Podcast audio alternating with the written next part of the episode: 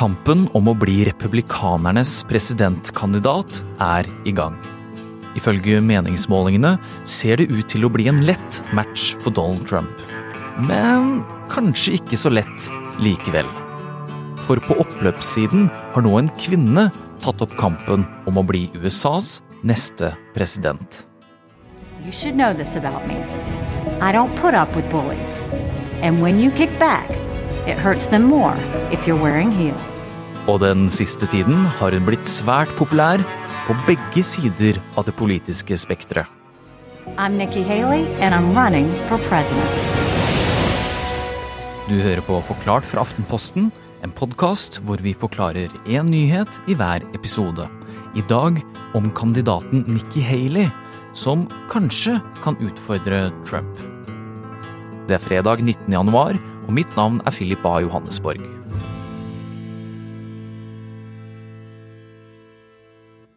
Ja, nå er valgåret i gang i USA. Det varer helt fra januar til november. Men disse kandidatene har reist rundt allerede i et helt år for å samle støtte. Og i fjor høst, etter at den republikanske kandidaten Nikki Haley hadde holdt et sånt valgmøte, så fikk hun seg en kjempeoverraskelse når hun kom tilbake til hotellrommet sitt. Kristina Pletten er kommentator her i Aftenposten og tidligere USA-korrespondent. Hva var overraskelsen? Altså, når Nikki Haley eh, kom tilbake på hotellrommet sitt, så så hun at det sto et eh, fuglebur utenfor døren, og oppå fugleburet så var det noe sånn fuglefrø. Og så var det en lapp klistret på det der det sto 'From the Trump Campaign', altså fra Trump sitt valgapparat. Hvorfor gjorde Trump og gjengen hans dette her da? Trump han begynte i fjor høst å kalle Nikki Haley for fuglehjerne, bird brain. Og han tester jo ofte ut sånne her eh, økenavn, oppnavn på motstanderne sine. Han prøver med forskjellige ting. Han kalte jo Hillary for Crooked Hillary. Eh, Joe Biden har han kalt for Sleepy Joe, nå kaller han han også for Crooked.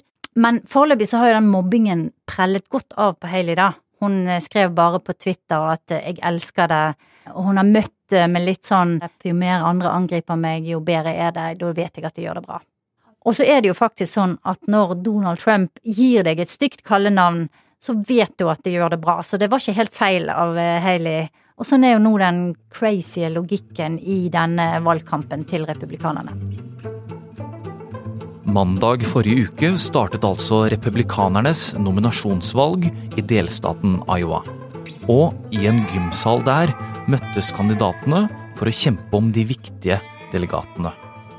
Det var som forventet Donald Trump som vant i Iowa, og han vant egentlig med enda større margin enn det man forventet på forhånd. På andreplass, litt overraskende, kom Ron DeSantis, Florida-guvernøren, som i fjor mange trodde skulle være en mye større trussel for eh, Donald Trump. Og på tredjeplass kom Nikki Haley. Thank you, Iowa! Damen som mange nå tror er den største trusselen mot Trump. Og hun skal vi følge godt med på, tror jeg, nå fremover.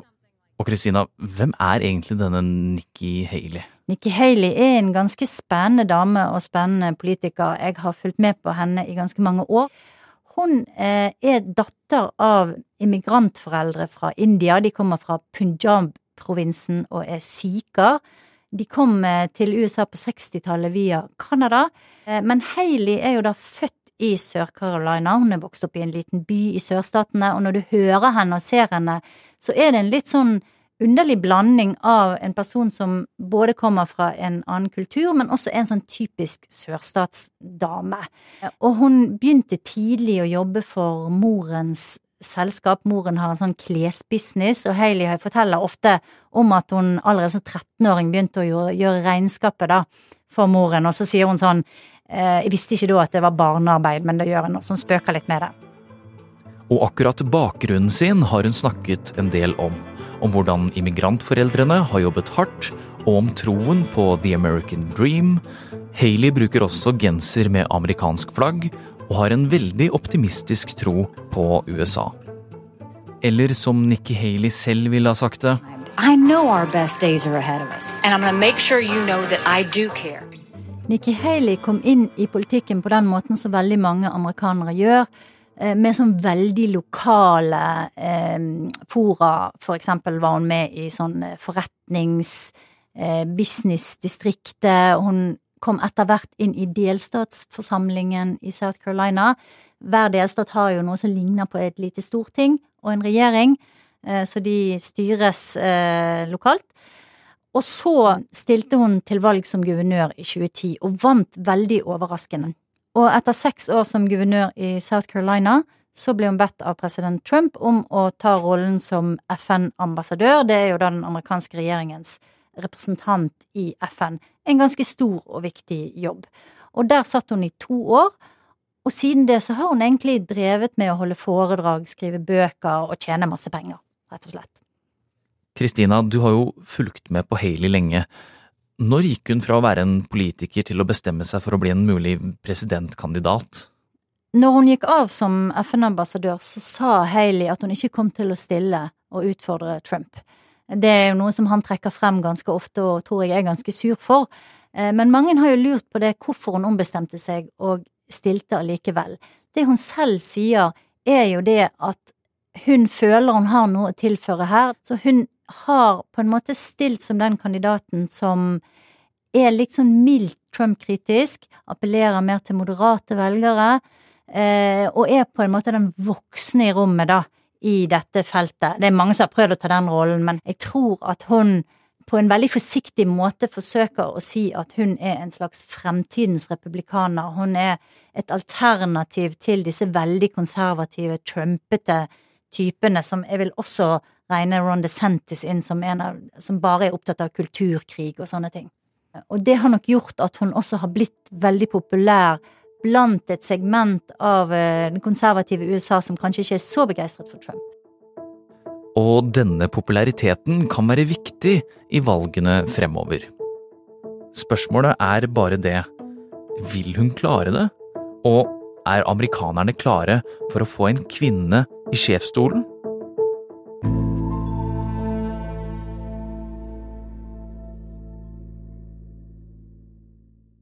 Det er ikke mange kvinner som har hevdet seg i amerikanske valgkamper.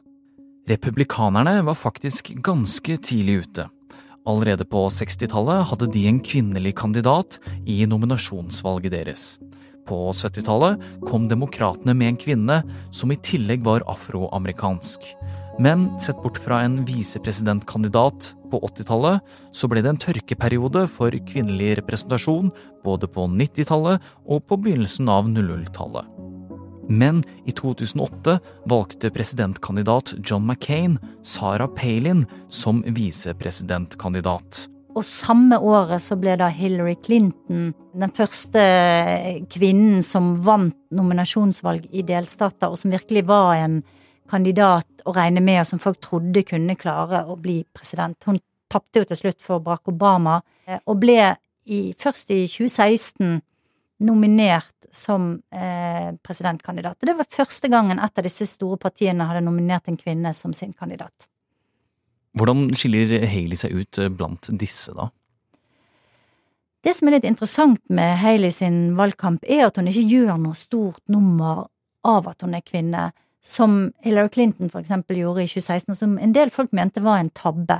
Haley gjør ikke noe nummer av at hun er kvinne, hun gjør ikke noe nummer ut av at hun ikke er hvit men hun spiller samtidig litt på det. Hun sier jo eksempel det at alle disse guttene, eller alle disse mennene, driver og angriper meg, jeg bare syns oppmerksomheten er bra. Hun spøker litt med det. Eh, hun har brukt en strategi som er mer at Stem på meg fordi at jeg er opptatt av eh, å spare penger, jeg er flink til å være en god leder, jeg er moderat, jeg kan appellere til mange forskjellige velgere, men hun snakker ikke om at folk skal stemme på henne for den hun er. Og det tror jeg har vært veldig smart, spesielt på den amerikanske høyresiden. Foreløpig så ligger Trump stadig best an i det republikanske nominasjonsvalget. Men Haley har likevel et viktig våpen på lur. For nå gjøres det nemlig såkalte match-up-målinger. Vil si at man måler hvor bra de republikanske kandidatene ville ha gjort det mot Joe Biden i et presidentvalg. Og her er Nikki Haley suveren.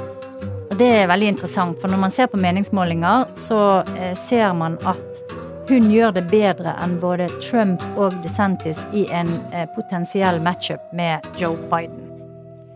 Hailey er veldig opptatt av at USA ikke skal bruke mer penger enn det de tjener.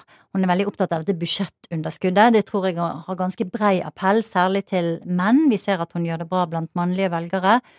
Et av de feltene der Hailey virkelig skiller seg fra veldig mange av hennes eh, utfordrere, er når det gjelder Ukraina og utenrikspolitikk. Hun eh, står for en litt sånn tradisjonell linje Eh, innen det republikanske partiet som handler om å engasjere seg, full støtte til Nato, eh, og gi penger og våpen til Ukraina, som veldig mange andre, inkludert Trump og DeSantis, er mye mer skeptisk til. Og så har hun uttrykt seg mer moderat og litt smartere, vil jeg si, på en del felt, blant annet når det gjelder abort.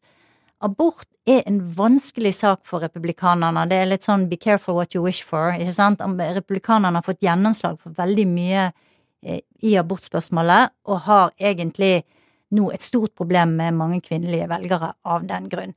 Hailey har sagt at eh, vi kan ikke ha det sånn at kvinner skal eh, settes i fengsel fordi de prøver å få abort. Vi må prøve å finne en moderat løsning på dette her. Hun er selv mot abort, men sier at det kan ikke være sånn at eh, i et land der de fleste ikke deler de ekstreme synspunktene, så skal de trumfe de igjennom. Vi må finne et kompromiss, sier hun. Og det tror jeg har vært et veldig, veldig smart budskap, og noe hun har stor appell eh, med akkurat det der. Du har jo kalt henne historisk, eh, Kristina. Hva mener du med det? Nikki Haley blir sannsynligvis historisk fordi at hun er den første kvinnen som faktisk klarer å ta delegater i flere delstater. Og så er hun jo historisk fordi hun er av ikke-europeisk herkomst. Selv Barack Obama hadde jo eh, hvit mor og oppvokst i en hvit familie.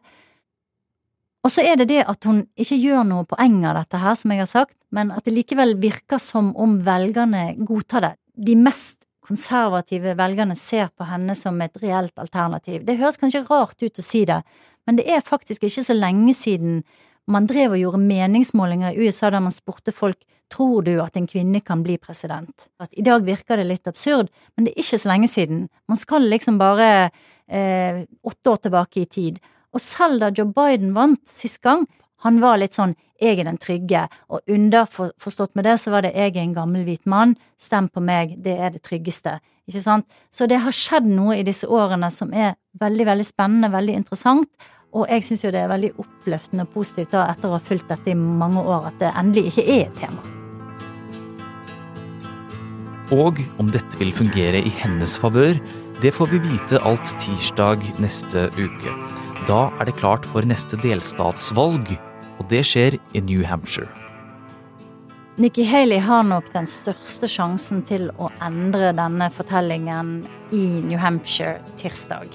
Det er der hun har gjort det aller best på meningsmålingene. Det er en ganske spesiell liten delstat. Så her har hun faktisk en sjanse til å vinne, selv om hun ligger en del etter Trump. Hvor kan Nikki Haley ellers gjøre det bra? Ja, folk vil jo følge med på hjemstaten hennes, South Carolina. De skal ha primærvalg 23.2. Eh, men South Carolina er jo en litt sånn trumpete, konservativ sørstat egentlig, da. Haley har mye appell til forstadsvelgere i disse store suburbia-områdene i USA.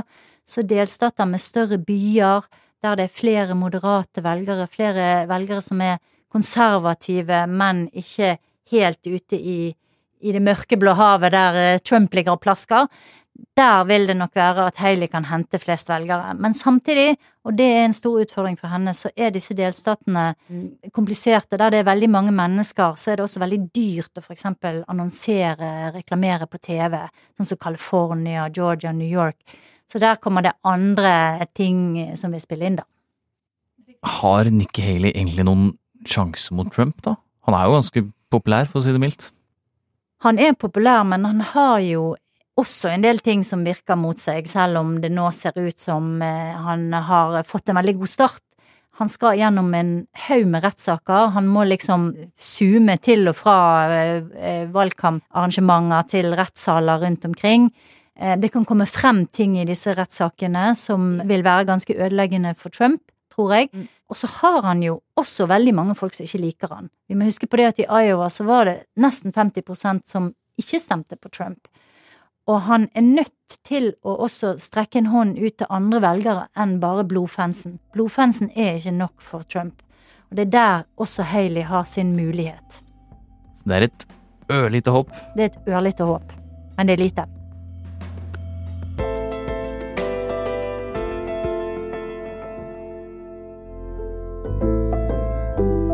Du har hørt en podkast fra Aftenposten. Det var Christina Pletten som tok deg gjennom republikanernes Nikki Haleys vinnersjanser. Lyden er hentet fra Nikki Haleys politiske kampanjes nettside og Facebook-side. Du har også hørt lyd fra nyhetsbyrået AP. Denne episoden er laget av Fride Nesten Nonstad, Heidi Akselsen og meg, Philip A. Johannesborg. Resten av Forklart er Olav Eggesvik, Synne Søhol og Anders Weberg.